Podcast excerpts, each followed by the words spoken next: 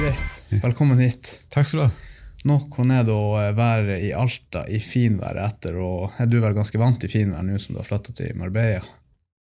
Ja, det er jo eh, kanskje en av, en av grunnene til at jeg bor der nede. Men eh, det er veldig fint å være i Alta. Det, jeg får, føler at jeg får det beste av to verdener, egentlig. Med litt hyppige besøk her oppe. Da.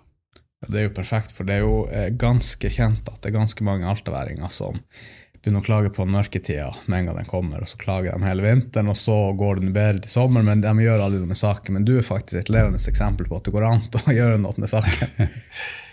ja, det var vel ikke bare altså, klage på mørketid og dårlig sommer, det har vi gjort i, siden tidenes morgen, så det er ikke det som er Det er jo for det første en veldig interessant jobb jeg har fått. Og så kan du si at det med klima er jo en, en bonus. Eh, det er jo det fins ikke Jeg bruker å si det fins verken piggdekk eller stillongs der jeg bor nå, men, men, eh, det er greit å kjenne på det av og til. Fremdeles. Ja.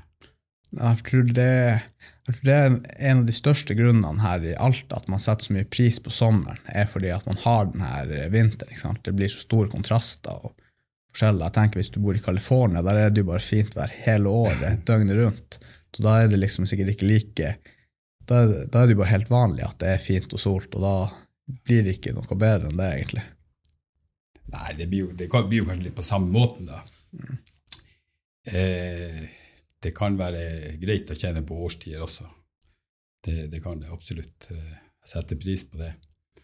Så det er deilig å komme hjem av og til. Eh, jeg prøver å reise hjem ganske ofte, kort og ofte, da, for å si det sånn. Mm. For eh, vi har ankeret her i Alta. Men hvordan er det sånn at du eh, Pluss, hvordan fikk du deg jobb i Marbella? For skjønner jeg, Har de laga denne stillinga kun for deg? Nei, de har ikke det. Nå jobber jeg jo for DNB Luxembourg. Og DNB Luxembourg er jo en private banking-divisjon, som riktignok er heleid av DNB Norge. Eh, men vi har altså et eh, representasjonskontor i Marbella i Spania. Og fra min siste jobb i DNB så oppdaga jeg jo det. Det var en stilling ledig der nede. Og har reist litt rundt og syntes at det der var veldig fristende. Så eh, da søkte jeg på den, og fikk den. Så der har jeg vært nå i en periode på Jeg var fra 2017 til 2020. Og så var jeg hjemme under pandemien og jobba her i DNB. Så dro jeg ned igjen da i august i fjor. Hva er den største forskjellen, eh, utenom været, da, som en arbeidsdag der nede kontra den var her i Alta? Eh, den største forskjellen er vel at det er jo en litt annen kultur. Det er jo litt andre eh, hva si, Det er ikke så regulert arbeidstid. Mm. I Spania skjer det altså Offentlige kontorer som åpner gjerne ikke for tid. Men da forskyver du også arbeidsdagen. Jeg prøver å starte rundt nitida, så, så jobber man litt lenger utover over ettermiddagen. Så det var kanskje den største forskjellen på, på arbeidsdagen. Mm. Og hva er, hva er hovedoppgavene dine der nede? Der nede er det Jeg driver jo med finansiering av feriebolig eh, der nede. Eh, hovedoppgaven er jo da å møte folk og kjøre møter og veilede dem i prosessen, som for så vidt er ganske ulik fra det å kjøpe eiendom i Norge. Og også ta imot eh, ja, finansieringssøknader, få inn all dokumentasjon som skal til.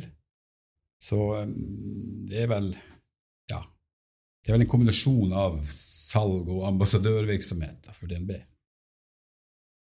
Ja, og så er det vel mye å si at eh, det faktisk er en norsktalende person som er til stede også. Det er vel sikkert mye mer betryggende for kunder kontra å oppsøke en spansk bank da for finansiering. Ja, eh, vi ser jo det at eh, kunder vi, Primært så, så, finansierer vi norske og svenske kunder. Og det er klart at DNB er en merkevare som er veldig godt kjent blant nordmenn. Så de føler seg nok veldig trygge når de ser en DNB-logo der nede når de skal inn og ha et, et lån i en bank. Da.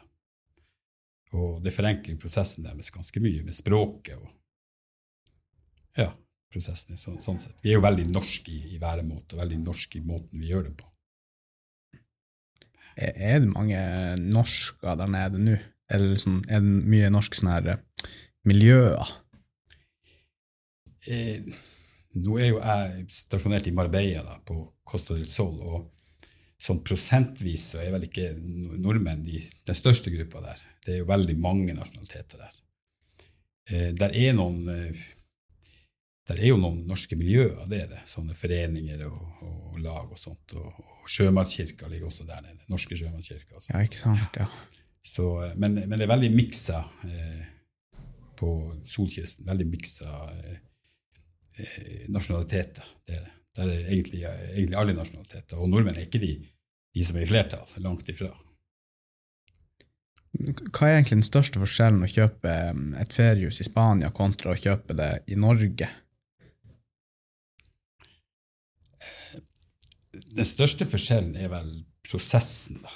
At du, her i Norge så er du, starter du vant til en eiendomsmegler som, som har veldig mye ansvar og juridisk ansvar. Der nede er det sånn at det er veldig, veldig mange meglere. Og det et ganske sånn fritt marked. Du kan si at Alle meglerne har tilgang til alle boliger som er til salgs. Okay. Så eh, du trenger ikke noe du trenger noe formell godkjenning eller utdannelse for å være megler i Spania. Du er selger på, på godt og vondt. da. Eh, så Det betyr også at du må jo ha med deg en advokat i den prosessen Mm. når du skal gjøre opp en, en, bo, bolig, en bolighandel der nede. Den andre forskjellen er at det, det er en del dyrere å etablere eh, både sikkerhet og, og også offentlige avgifter når du kjøper bolig i Spania, kontra det vi vant til i Norge. Vi snakker om en, Når du kjøper en, en bolig på Costa del Sol, så hvis du ser en bolig avertert på finn.no, eller hvor du finner den, i en eh, spansk webside, eller sånt, så kan du med en gang legge på 10-11% på, på kjøpesummen Ja. før du kommer i mål. Så det er ganske forskjellig. Det er mye dyrere. Alt er mye dyrere der. I selve, altså når det gjelder transaksjonskostnader og etablering av sikkerhet og sånne ting.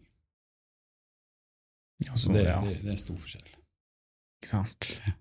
For er ikke det Marbella, er ikke det den dyreste plassen i Spania, eller er det bare sånn? Eh, Marbella altså, ja, det, er jo, det er jo både òg der òg. Mm. Der er fra det forferdelig dyre til det mer normale. Så, så det er egentlig hva du er ute etter. Mm. Så du kan få deg en, en, en, en feriebolig til en grei pris rundt Marbella også. Det kan du gjøre. Spørs på hva, hvor høyt du legger lista. Da. Ja, for det er vel noen sånne her sikkert eh, Noen gater som sikkert er litt mer eh, høytstående personer som er lei eller har kjøpt eiendommer. Ja, altså det er, jo, det er jo noen områder som er veldig etablert for de med veldig eh, høye formuer og inntekter, som gjerne trekker dit, og, og veldig store, fine hus. Og så er det også mange områder som passer for sånne som meg og deg. Ja, Så det er ikke sånn at du, Marbella har kanskje et, et rykte på seg å være bare sånn rikmannslekegrind, men det er det langt ifra. Det er ikke bare det. det er, du kan godt leve her som en normal eh, lønnsmottaker. ja, ja for det er det man har, hvis man har lest litt på nett sånn, så ofte så relaterer man, eller jeg relaterte i hvert fall veldig ofte Marbella som ja, det er bare der bigshotsene big shotsene er, og prinsene og kongene og får rundt og kjøre, liksom.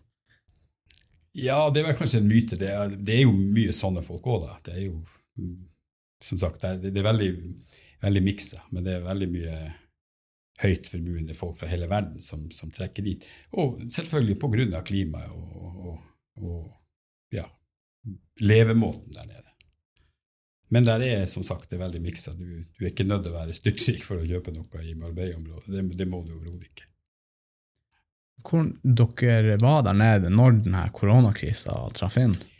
Vi var der da koronakrisen eh, kom. Eh, det var vel i mars 2020.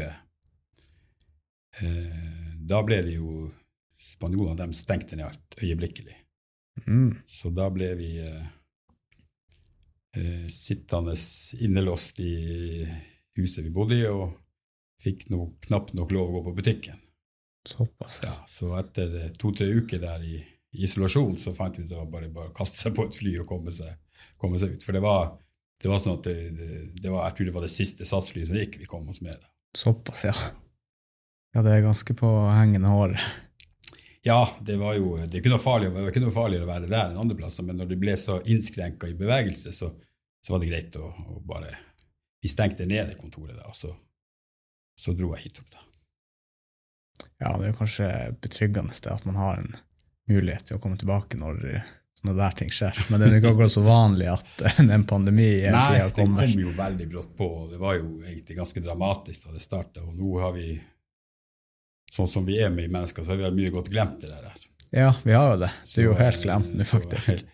Så, men det var, det var, litt sånn, det ble, det ble, litt kjedelig da, å bare sitte innelåst over mm. lang tid. Så, så vi, vi, skyndte oss hit opp, da, til, til, hvor det var atskillig friere å være. Ja, det er jo litt sånn her eh, når du ser hvordan vi håndterte denne eh, koronaen, det var jo full panikk og eh, Jeg tenker bare tenk når, hvis det kommer en sånn pandemi, sånn som spanskesyken eller svartedauden på nytt, da tror jeg ikke det blir så mye kontroll på noe som helst. Ja, det er vanskelig å si. Vi får håpe vi er ferdig med det verste nå. Mm, absolutt. Men da når, før du flytta ned til Marbella og begynte i DNB Luxembourg, da jobber du her i Alta, da? På DNB før det? Ja, jeg, jobbet, var her i DNB. Hva, hva du gjorde her, her da? Da var jeg på næringsavdelinga her i DNB i Alta og jobba med bedriftskunder. Så da, eh, når du jobber med bedriftskunder, hva er, hva er egentlig det bedrifter trenger, trengte mest hjelp med, som generelt, for det er finansiering? Hovedproduktet er jo finansiering, helt klart, men vi er jo blitt et uh, finanshus som kan levere alt både forsikringer og, og innskudd og plassering og, og, finansiering og leasing og alt, ja, alt som, som, går under begrepet finans. Da. For du har vel jobba ganske lenge i bank? Ja, det ble noe sånn. Jeg, er vel, jeg kan si at jeg er vel oppvokst i bank og finans.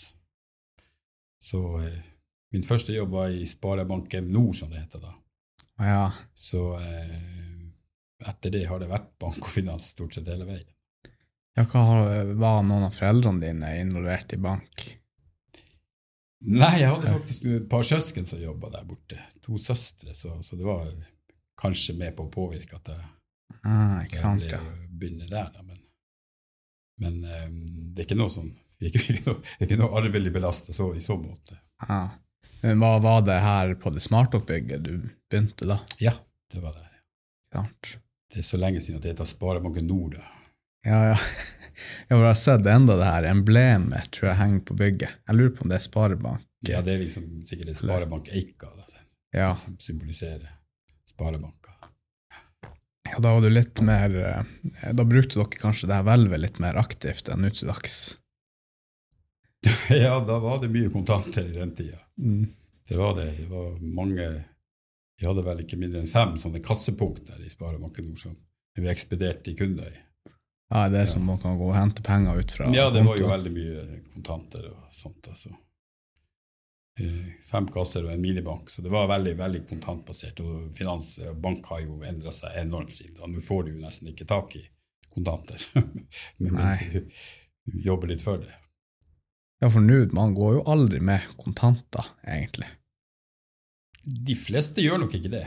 Nei. Det går mye på kort og mobilbetaling og, og nettbank og de, de, tingene. Så det er jo egentlig en naturlig prosess som har vært eh, så, så, i den tida var det nok eh, ganske mye større bemanning i bankene enn det er i dag.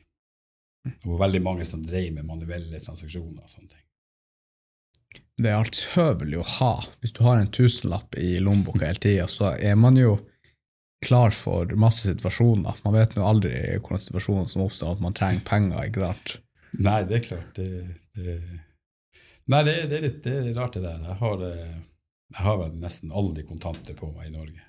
Det, det er litt mer i Spania, det er litt mer utbredt kontantbruk. Men det begynner å bli veldig automatisert der òg. Man kan jo tenke meg, Norge er jo vel ganske langt frem når det kommer til ja, digitale penger, eller jeg tenker nå i USA, der er det jo veldig kontantbasert enda, og sånn, ja. der har du vel også sånn sjekker, tror jeg, enda, som er liksom ja. Jeg vet ikke om det vipses så mye der. I USA vet jeg ikke, men, men Norge har vært veldig fre, langt fremme på, på digitalisering, og, og, spesielt når det gjelder finans. Da. Så eh, det Vi var nok tidlig ute, kanskje av de første. Det er vel også med de her eh, ID-kortene, eller med det her Altinn, eller egentlig alt Norge har. Eh, at en fyller ut elektronisk skattemelding sjøl og alt sånt her. Det er jo ting andre land bare kunne drømme om, at de må sitte timevis på time for å fylle ut de her skattemeldingene, men her går det egentlig bare automatisk hvis ikke du endrer noe sjøl. Ja. ja, igjen, Norge, jeg tror Norge er veldig langt fremme på, på det med digitalisering. Det er en, eh, vi er en teknologinasjon blitt. Mm, absolutt. absolutt. Eh, hvordan, eh, hvordan utdanning gikk du når du gikk på skole? Ja, det var ikke så lenge. Det var, det var, jeg hadde tatt det som i gamle dager het eh, samfunnsfaglinje og økonomi, på, på, og det het til og med gymnas, eller det ble vel videregående skole. Mm. Så det var stort sett det jeg hadde da jeg begynte i Sparebanken Nord. Men så eh, i Sparebanken Nord-Norge så var det veldig bra eh, utdanningsmuligheter. Så, så jeg tok da bedriftsøkonomstudiet med mens jeg jobba der, og tok også eh, en god del moduler i coaching og veiledning, ledelse. Ja, ikke sant? Så det var veldig, veldig bra å jobbe der. Eh, det, var, det var gode muligheter for å komme seg videre. Ja, og når du var ferdig på den utdanninga, da hadde du allerede hatt den der eh, Det var en sommerjobb du hadde hatt først? Eller Nei, Det var- jeg gikk det var rett, først. på, eh, rett på. Jeg hadde ikke sommerjobb der. ja, det var rett etter utdanninga du begynte der? Ja, det var vel i Ja, ikke rett etter. Det var etter militæret, så var jeg her i Alta. Ja, det var kanskje et knapt år etter jeg var ferdig i militæret, så, så fikk jeg jobb i Sparebanken Nord. Militæret, hva, hva du gjorde der? Var det bare springe i skogen og sjo og heie? eller? Nei, der var jeg faktisk i sambandstropp i Så jeg var nede på Jørstadmoen og hadde telegrafistopplæring. Det var den tida vi enda brukte morse. Ok, ja. Så jeg var der, og så var jeg da eh, resten av tida i, på GSV på Kirkenes som sambandsmann på sambandsavdelinga der. Altså det var det, så det samme, det hadde egentlig alt med kommunikasjon å gjøre? Ja, vi hadde alt fra kommunikasjon ut i felt, og vi hadde telefonsentralen på garnisonen. og- Mm. Så vi hadde et, et eget hus som var, hvor vi bodde, sambandsfolk. Men hvordan var det da, måtte de som var ute i feltet, hadde de en ryggsekk på som var en svær antenne, rett og slett, så drev dere og snakka som en Ja, når sånn det, var, eh, når det var feltøvelser, så var det jo bare å eh, Noen ble jo igjen inne for å passe kommunikasjonen i leiren, og noen var med ute i felt. Og, og da var det gjerne, hvis du er sånn bandvogn med sambandsutstyr, så hadde du gjerne en troppssjef eller en garnisonssjef. Jeg var sambandsmann til garnisonssjefen, og han var dessverre fryktelig glad i å gå på ski. Ja. Så da han ropte bare 'få på deg ryggsekken med radioen', og så gå. Han var god å gå på ski også, jeg fikk, jeg fikk kjørt meg der. Helsika. Det, var, det var kanskje ikke det jeg likte best, men, men sånn ble det. En tra- Bra treningsøkt. Ja, en bra treningsøkt. Men hvordan eh, ble dere, jeg vet ikke om det er klassifisert, men blir man, er det mye sjanse for at eh, man blir hacka, eller at folk får eh, eller utenlandske nasjoner får tilgang til samband? Var det et Det veldig stort tema? siden at det var vel ikke så Hacking var ikke det store. da. Det var, mest, det var ikke så mye trådløst samband. Det, var, det var mye som gikk på tråd, så det, det var ikke noe stort problem. Men, men det er klart, morsing og det, det, er jo- det er jo for å Det var mye, det var koder, veldig mye koder når du var i øvelse. At du skulle kommunisere via, via koder. Mm, ja, ja. Jeg husker jeg så en eh, video, en film som heter jeg tror Imitation Game, der de lagde den her eh, Enigma-maskinen for å Eller den der greia som skulle dekode de her tyskerne sin sånn her kodemaskin. Eh, jeg tror det var han der Cumbleback, eller hva han het. Jeg husker ikke helt. Men det var en bra film. Han lagde en sånn her dekoder. Det er en av de første datamaskinene for, ja, for å finne ut hva, hva tyskerne planla, rett og slett. Så det var ganske interessant. Nei, nå var jeg heller være i militæret i fredstid, så vi hadde ikke så mye av det. Men, eh, og det var kanskje ikke så mye fokus på det heller. Det var mer det her med avlytting og sånne ting. Som, at grunnen til at det gikk koder på radiosamband og sånn. Du har jobba litt som sånn eh, salgstrener også i, i Ja, det har jeg gjort i Det var også i Sparebanken Nord-Norge. Jeg jobba med, med coaching og salgstrening i, på HR-avdelinga i Sparebanken Nord-Norge. Og rekruttering og sånne ting. Så hva eh, fokuser, var det på privatmarkedet og bedriftsmarkedet du coacha da de Det var uansett. Det var alle, både privat og bedrift. Så, så det var Vi hadde også en egen skole her som heter Sparebanken Nord-Norge-skolen, som alle nyansatte måtte inn i. Der hadde jeg også mitt virke. da.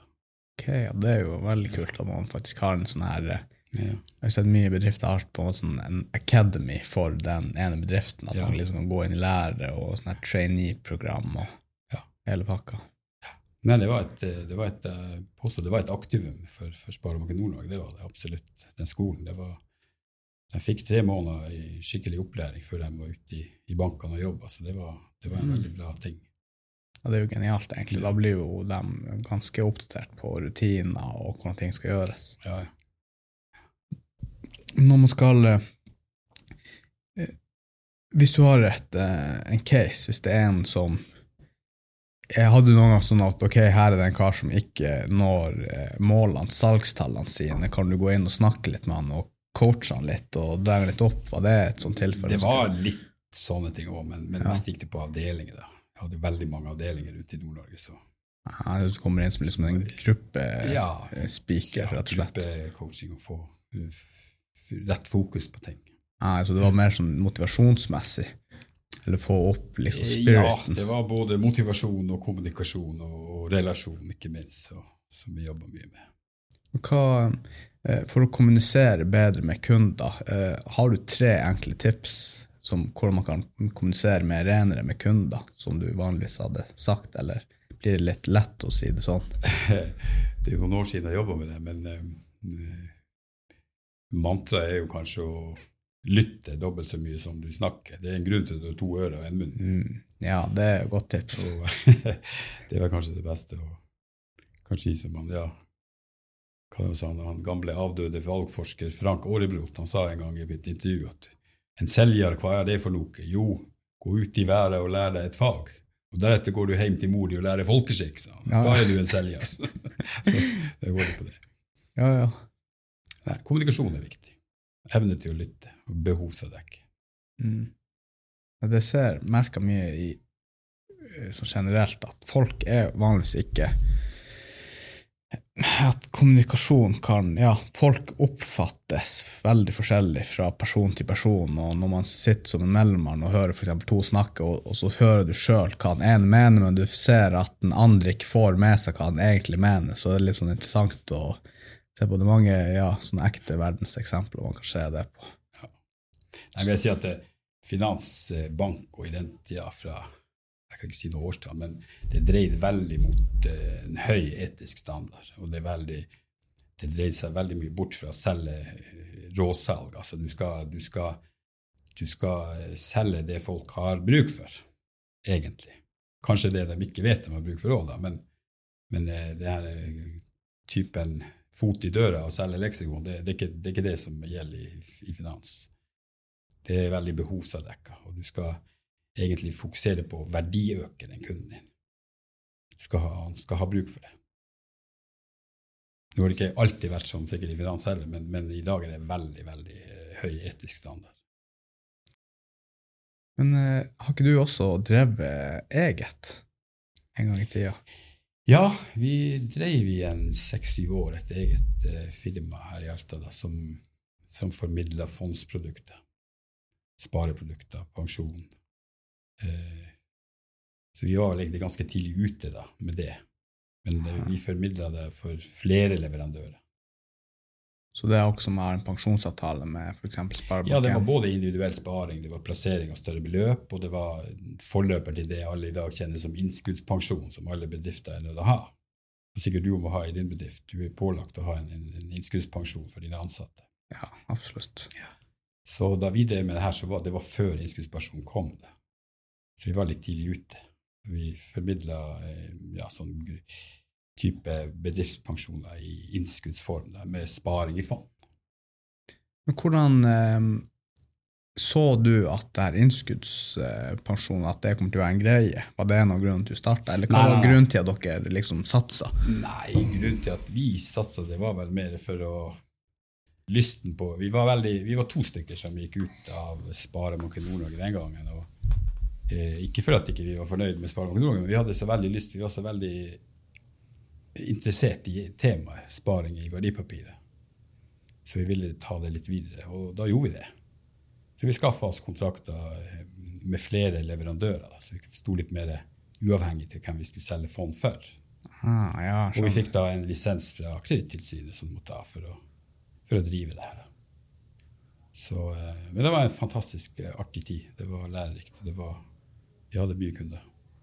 En sånn lisens, var det vanskelig? Måtte du vise til en utdanning da, eller måtte dere bare vise til en, kunde, en potensiell kundebase, eller? Nei, du måtte jo, ha, du måtte jo bevise at du, at du visste hva du holdt på med. Ja. Det måtte du gjøre. Det var en søknadsprosess til Kredittilsynet. da. Hvor, hvor mye, når det kommer til plassering av større pengebeløp, hvor mye eh, hvor høyt beløp dere, hadde dere ansvar for i, i den største perioden av bedriften? Nei, nå husker jeg ikke den porteføljen vår. Det var, vi hadde jo ganske mange både småsparere og større innskudd fra, fra eh, formuende private, og vi hadde også en del ja, pensjonsavtaler med bedrifter. Så, så i sum ble det jo sikkert noen hundre millioner vi, vi, eh, vi forvalta det vi ikke sjøl. Det var jo de Handelsbanken, Orkla Finans, eh, det var Delphi det var, Vi hadde veldig mange leverandører. Men vi var nok ganske tidlig ute med det, i hvert fall her. da. Hvor dere holdt til, da? Da var vi i Parksenteret. Ah, Toppetasjen i Parksenteret hadde vi kontor. helsike. Rått. Hva, hva det var dere starta det? Det måtte jo ha vært rundt 1996 eller noe sånt. Ja. Tror du eh, Ja, dere holdt det på i seks-syv år. Ja. Hva gikk det Måtte dere bare Gikk det dårlig til slutt, eller bestemte dere bare for å legge opp? Det, vi var jo to da, så, så eh, vi ble vel eh, Ja. Jeg var litt tilfeldig. Eh, Firmaet ble solgt, og vi begynte å jobbe i Jeg gikk tilbake til Sparebanken da, som plasseringsrådgiver. Så eh, det var, det var ja, Tida var moden for det. da. Ja. Vi var jo gjennom noen eh, skikkelige krakk der, altså. det, og det merkes jo når du jobber med det eh, på, på vår inntektsside. Men, men eh, det var greit, og vi, vi levde greit i årene. Absolutt. Vi ble ikke styrtrike av det, for å si det sånn, men, men det var fantastisk interessant. ja og det, jeg kan jo tenke meg det er en enorm læring å liksom kunne ta at dere, dere var jo ansvarlige egentlig for hele. Det er jo en læring som sikkert du har kjenner på, det å drive en bedrift fra A til Å. Det er jo, en, det er jo kanskje den beste læringa du kan få. Ja, absolutt. Man lærer i hvert fall hele tida. Ja, ja, ja. Man lærer hver dag. Ja. det, det, det er litt interessant når du, når du driver for deg sjøl, så må du liksom tenke over både på hva kopipapir koster, og hva Ja, du får, du får liksom en helt, du får helheten i det, istedenfor å være ansatt i en stor bedrift hvor du ikke har så nært forhold til det. da. Så, så Nei, det var, det, var en, det var en artig tid, og det var en, eh, kanskje den beste læringa du kan gjennomgå. Ja, det ble sikkert litt lange dager av og til også. Det ble det. Det, det, det, var, det var ikke så mye regulert arbeidstid da. Nei, nei men det hører jo med i sånne der eh, Gjør det. oppstartsbedrift, og da da legger man jo bare hjernen der for å få det til å gå rundt og gå, gå fremover. Ja. slett. Absolutt. Men eh, så når du var i til slutt, så jeg så at du hadde blitt banksjef i Sparebank1 i en periode.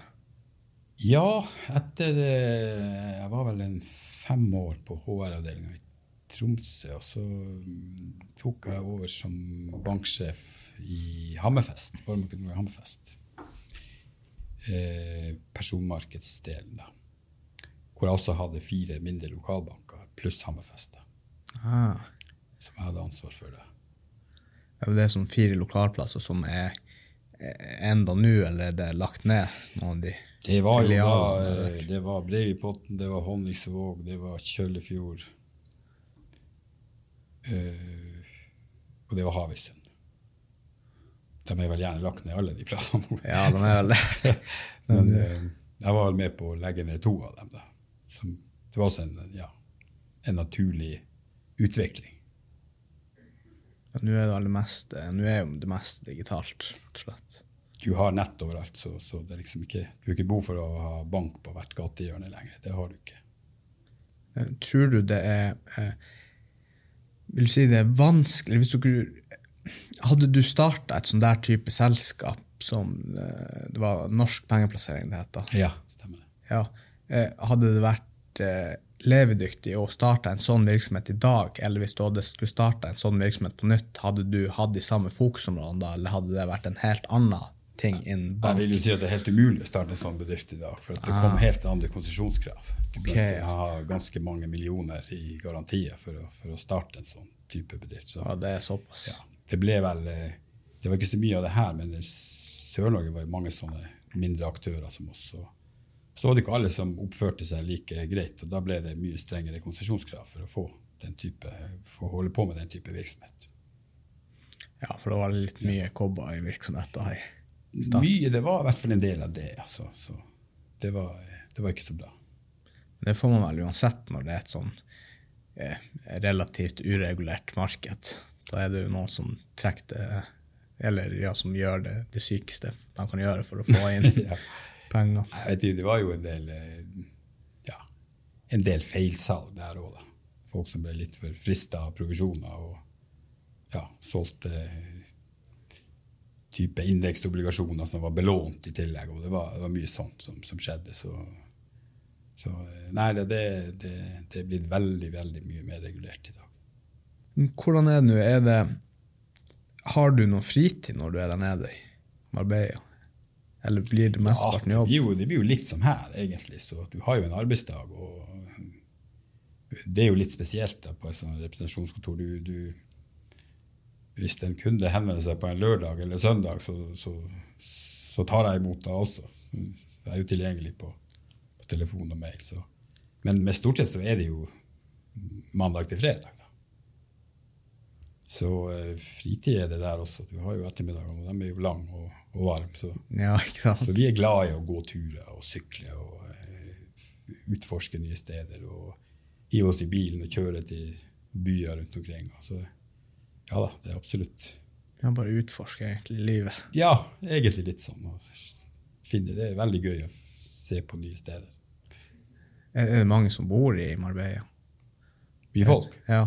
Nå kjenner jeg ikke folketallet helt, men eh, det er ikke noe sånn superstor by. det er jo ikke, men Større enn Alta. Ja, det er det. Større enn Alta. Større enn Alta. Men jeg kjenner ikke folketallet helt.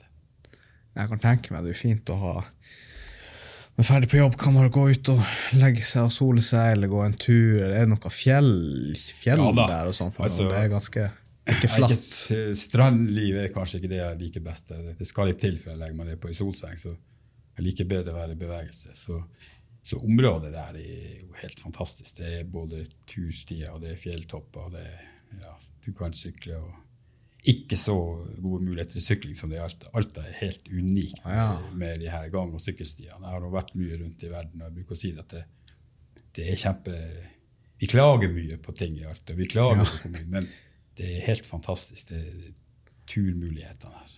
Ikke minst det her gang- og sykkelsti og, og turløypenett som, som, som jeg tror øker bolisten betraktelig her. Tenker, man tenker kanskje ikke over det når man har det, men, men det, er, det er helt unikt. Du sier noe derfor at jeg, vi, vi var på oppdrag for eh, en, en aktør, og da var Alt kommune med han eh, Gjermund Vik Abrahamsen, tror jeg han heter. Og han var folkehelsekoordinator her i Alt kommune. Og da hadde han et foredrag på 45 minutter om eh, den her eh, universell utforming av Alt kommune, egentlig alt de har gjort i kommunen for at det skal være som du sier, at det skal være tilrettelagt for sykling, skigåing og toppturgåing og alt det her. Og jeg ble helt sjokkert egentlig hvor mye ting var tilrettelagt, og hvor mye de faktisk gjorde for at Alta skulle ha et ja. bra ja, bynett med tanke på skigåing og sykkel og alt. Det var liksom bare wow, her, her er jo helt sykt, faktisk, hvor mye de har lagt til rette og laga de her eh, asfaltveiene som er sånn her halvveis asfalt. som, ja, Nei, det, det, det, det, er en av de tingene jeg virkelig syns er bra med alt. Og det, og det, er jo, det er veldig artig når du jeg går mye turer og sykler her når jeg er hjemme også. Det, det er jo folk bestandig ute i løypene og i turløyper og i veier overalt. Så det tror jeg er en, en veldig bra ting. Nei, det hjelper jo med bolyst og trekke folk, og at det faktisk er en mulighet for det. Ikke sant? Det er mange som bare kan gå rett utfor døra, og så er det et byløypenettverk som de bare kan fære ut i og sykle litt og styre. Nei, Alta er unikt der. Eh, Det vil jeg påstå. Hva, hva er den varmeste dagen dere har hatt der nede? Nei, i Marbella? Ja. Uh, nei, altså, vi har vært borti 40 grader og sånt. Nå er det jo på hele kysten et sånn mikroklima som er Du har jo gjerne fjell bak, og du har sjøen på andre sida. Så, så de, de, store hetebølgene slår jo ikke inn der, sånn som hvis du bare beveger deg litt opp i fjellene. og sånn. Så, så det har ikke vært sånn at vi har vært nødt til å ligge på hodet i ei fontene for, for, for, å overleve. Det, det, er ikke sånn. Men, men 36, det, det syns jeg fortsatt er levelig. Ja. ja det, det, er jo absolutt eh, en bra tilstedeværelse, kan jeg si. Det hadde, jeg tror også hvis jeg en gang for år hadde vært fint å flytte til Spania og bo der når man er litt eldre. ja, det er jo også mange pensjonister som trekker ned dit når de, når de er kommet i den alderen. Men jeg er litt enig med deg. Jeg må, jeg må, også ha noe å gjøre når jeg egentlig er på ferie. Eller så hvis jeg ligger. Eh, syv timer på stranden, det tror jeg aldri jeg hadde klart. Da måtte det vært noe volleyball ved siden av, eller kunne rørt seg litt. Ja, men det er jo litt sånn det. er. Jeg har jo sikkert ikke bodd der og vært for jobb der eh, på nåværende tidspunkt. Men eh, det er klart man er litt eventyrlysten, og når sjansen bydde seg, så, så var det bare å hoppe i det. Ja, det er jo perfekt. Så eh, klimaet blir som sagt, det blir jo en bonus, men eh, jeg er veldig glad i klimaet. Det, må jeg bare innrømme. Mm, hvis du kunne gitt deg sjøl som 20-åring et tips med all den kunnskapen og erfaringa du har i dag, hva ville du sagt til deg sjøl da? Som 20-åring? Ja. Da ville jeg Nei, det, da ville jeg ha sagt eh, sats på utdanning. Og så ville jeg sagt begynn å spare til pensjon. Jo før, jo bedre. Ja. og gjerne det i et aksjefond. ja, sånn eh, Når det kommer til sånne aksjefond og aksjespondsparing, eh, er ikke det litt sånn forskjellig risikonivå du kan velge da når du går inn på det? Sånn her høy risiko og Ja da, det, det er jo det. Eh, du kan spare i enkelte aksjer, du kan spare i fond, og du kan spare i aksjefond, du kan spare i globale fond, du kan spare i bransjefond. Eh, og hvis du ikke har noe særlig eh, interesse eller kunnskap om det, så er det jo nettopp der bankene har veldig gode rådgivere i dag. Som er utdanna til, til, til, å hjelpe deg til å finne det som passer for deg. For jeg tenkte nå etter hvert at jeg skulle begynne å kanskje investere 10 eller 15 000 kanskje i måneden på, på aksjer. da, At man begynner å bare spare litt opp så man lager en portefølje. Og som jeg skjønner det, er det vel lurt å diversifisere litt, at ikke du har alt i samme pott. Ja, det spørs hvilken type du er, da. Ja, ja, ja. Jeg kan ikke gi noen konkrete råd, men, men, det handler mye om tidshorisont. Eh, hvor lenge du skal, holde, hvor lenge du skal ha de pengene. Ja. Den vanlige nordmannen bør vel kanskje satse mest på fondsplasseringer. Og, og jo, jo lengre tidshorisont, jo bedre. Ja, og i Så jeg sier en, en ungdom i dag som er i sin første jobb kunne jeg bare spart 500 10 000 kroner måneden eh, i et perspektiv på 30 år, det er jo helt unikt. Det, det tror jeg ingen vil angre på. Nei. Det høres egentlig ganske Det høres lurt ut, i hvert fall. Ja. Når du har det penger plassert i fond, hva har du gjennomsnittlig avkastning på sånn 7 i året? Eller det er en uh... Statistisk så har jeg sagt at det er sånn 3-5% over over risikofri banksparing. da. Ja. Det du kan forvente. Men så har man jo opplevd perioder hvor det er veldig høy avkastning, og perioder hvor det går i minus. og så Nettopp det. Du må tåle litt svingninger. Mm. Og så er det vel det her eh, Kjøp lavt og selg høyt. Følger med den, så går det vel bra. ja, da er du kanskje mer på den trading-biten. Men, men, en vanlig fondssparer bør ikke, bør ikke setter du opp en spareavtale i dag og du tenker det er 20 år frem, så er det bare å følge den. Mm. Verken selv, bare kjøpe.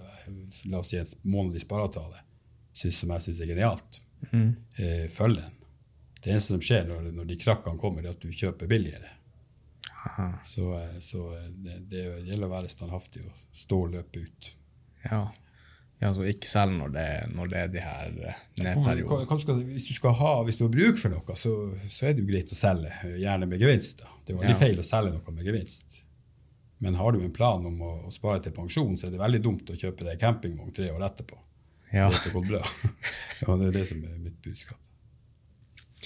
Uh, og hvordan er det hvis uh, hvis man skal begynne å investere jeg vet ikke om du vet noe om det her, men når man skal begynne å investere i aksjer, uh, bør man gjøre det privat, eller bør man opprette et AS du eh, investerer i aksjer? Og i, i et spesifikt tilfelle, hvis f.eks. jeg hadde laga et holdningsselskap, og så hadde jeg fått andre selskap under den holdningsselskapet, så hadde jeg brukt det holdningsselskapet som å investere i aksjer. Er det, Har du noen eh, Nei, jeg har ikke noe... Jeg, jeg er ikke så mye inn på det feltet der i dag, da, men, eh, men, du har jo noe for private i bankene, eller i norsk system i dag som heter aksjesparekonto, som er veldig lurt. Mm. Eh, der kan du jo egentlig bytte, og du kan, eh, du kan bytte fond, du kan kjøpe enkeltaksjer, du kan ha alt det der inn i en aksjesparekonto. Og du skatter ikke av det før du en eller annen gang tar ut derifra. Så i den paraplyen aksjesparekonto så kan du egentlig gjøre mye rart. Eh, eh, du kan bytte og kjøpe, eh, bytte og kjøpe andre ting. Og, og du har sågar skattefritak for alt du har satt deg inn. Ja, ikke sant. Så du skatter bare for gevinsten. Ja. Det er jo når du en gang begynner å spise gevinsten, at du skal skatte. Det er en veldig fin ordning. Blir det litt som eh, f.eks. Nordnett-appen? Eller Nordnett? Nei, jeg har ikke prøvd. Har ikke prøvd. Nei. Men, eh, det er veldig mange leverandører. De fleste har jo aksjesparekonto i sin portefølje som du kan bruke. Nei, men knall. Har du noen ting du ønsker å promotere? Hva som helst? Bortsett fra å komme og kjøpe feriebolig i Marbella. ja, ja, det er jo det jeg er kanskje mest opptatt av i dag. Ja. Nei, kom og kjøp feriebolig i Marbella. Det er jo, eh, vi er jo mest for dem som, dem som har de planene. Og, og klart En feriebolig i Spania eller i Portugal eller i Frankrike, eh, det finansierer jo vi. Eh, men du må jo liksom gjøre litt forjobb. Eh, du, det er jo et behov du har. Du vil gjerne ha en feriebolig i utlandet. Så eh, det, men hvis jeg vil promotere, så er det kanskje fra vårt eget ståsted. Det første du må gjøre, det er å avklare finansieringa. Mm. for å se hva du har råd til å kjøpe. Det er kanskje det beste rådet jeg vil gi til dem. Så det er bare egentlig å få kontroll over økonomien før man kommer inn og må ta kontakt? Ja, vi, eh, i likhet med norske banker, så, så ut, vi er jo norske banker, men så utsteder vi jo finansieringsbevis. Du kan jo søke om et uh, beløp du trenger ikke å ha funnet hus eller objekter, du kan få et finansieringsbevis fra oss. Ah, ja. så, så, kan du da gå ut på leit, og når du har funnet drømmeboligen, så har du finansieringa klar.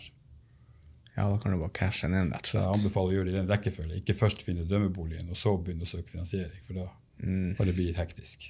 Ja, for da forsvinner drømmeboligen til neste uke, og da står det kan du gjøre, Så kan det hende at du får avslag, at ikke du har, du har overdreven tro på egen økonomi, og da hvis ikke du får finansiering, så står du hva du har gjort ting i veldig feil rekkefølge. Så man skal ikke forhåndsbetale noe til, til eiendomsmeglere? Nei, altså eh, I Spania er det gjerne sånn at du, hvis du finner et hus, så må du gjerne betale 6000 euro for, eksempel, for å få det bort fra markedet. Mm. Så betaler du kanskje nye 10 når du inngår kontrakt 10% av kjøpesum minus det depositumet du la for å ta deg av markedet. Og så gjør du da gjerne opp resten når du overtar. Så hvis du da har betalt et depositum og kanskje 10 eh, uten å vite at du har finansiering, så kan det bli veldig ekkelt hvis du da ikke klarer å skaffe deg finansiering på, på resten. Mm. Så rådet mitt til de skal kjøpe feriebolig i Spania, egentlig det første du gjør, det er å sjekke finansieringa. Hva, hva, du har råd til. Og så Det andre du gjør, det er å ikke kjøpe bolig på nett. Du må reise ned i området og gjerne leie et par uker og prøve bo og se. Er det her jeg vil være? Eh, og så det tredje skaff deg en advokat. Mm. For det, det, må du ha for å gjennomføre transaksjoner på eiendom, i, i, spesielt i Spania. Den perfekte er jo helt eh, perfekte tips. Blir ikke bedre. Ja. Det, det, det er viktig. Det er viktig å gjøre ting Og det går som regel bra hvis du gjør ting riktig. Mm. Det, vi er ganske nøye. Og når vi finansierer noe der nede, så, så sender vi Vi tar alltid en eh, takst på eiendom. Vi bruker spanske takstfirmaer som kommer ut og sjekker eiendommen, at, uh, tar en verdivurdering hva den er verdt. I tillegg til det så bruker vi egen advokat for å sjekke at eiendommen er grei, heftefri, at, det ikke er noe, at alt er riktig bebygd, at det, alt er lovlig og riktig. Så det er egentlig en ekstra sikkerhet for de som finansierer gjennom oss. De får det, den sjekken også i tillegg. Og det er egentlig også som om man skulle brukt en eiendomsmegler her i, Ja. i Norge bare for å ha den der tryggheten, rett og slett. den Ja, en begynne selv, eiendomsmegler i Norge er, er utdannet og har eh, autorisasjon og har juridisk ansvar. Det har ikke en megler i Spania. Derfor kommer det her med advokat inn. Ja. Så når du, når du har sjekka finansiering og du har funnet drømmeboligen, så lar du advokaten styre resten. Du, du betaler depositum og, og alt sånt gjennom advokaten, for han har, eller han og hun, eller hun har en klientkonto. Går ting gærent, så, så er du ikke så sårbar. ja. Så advokaten er viktig. Finansiering er viktig, og det at du vet hvor du sjekker at du har lyst til å være der. Det er kanskje Absolutt. rådet. Nei, men Da vil jeg egentlig bare takke deg mye for at du tok litt tid fra ferien for å komme og snakke litt her på. Så det var veldig hyggelig. Ja, det bare hyggelig. Det var artig å prate. Perfekt. Ha det bra, alle sammen.